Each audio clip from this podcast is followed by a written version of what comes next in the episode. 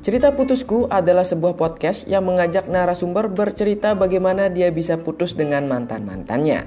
Nah, pendengar bisa mendengarkan cerita-cerita dari para narasumber podcast Cerita Putusku tentang kisah atau cerita putus mereka, sekaligus menjadikan sebuah pelajaran bagaimana cara terbaik dalam menjalin hubungan.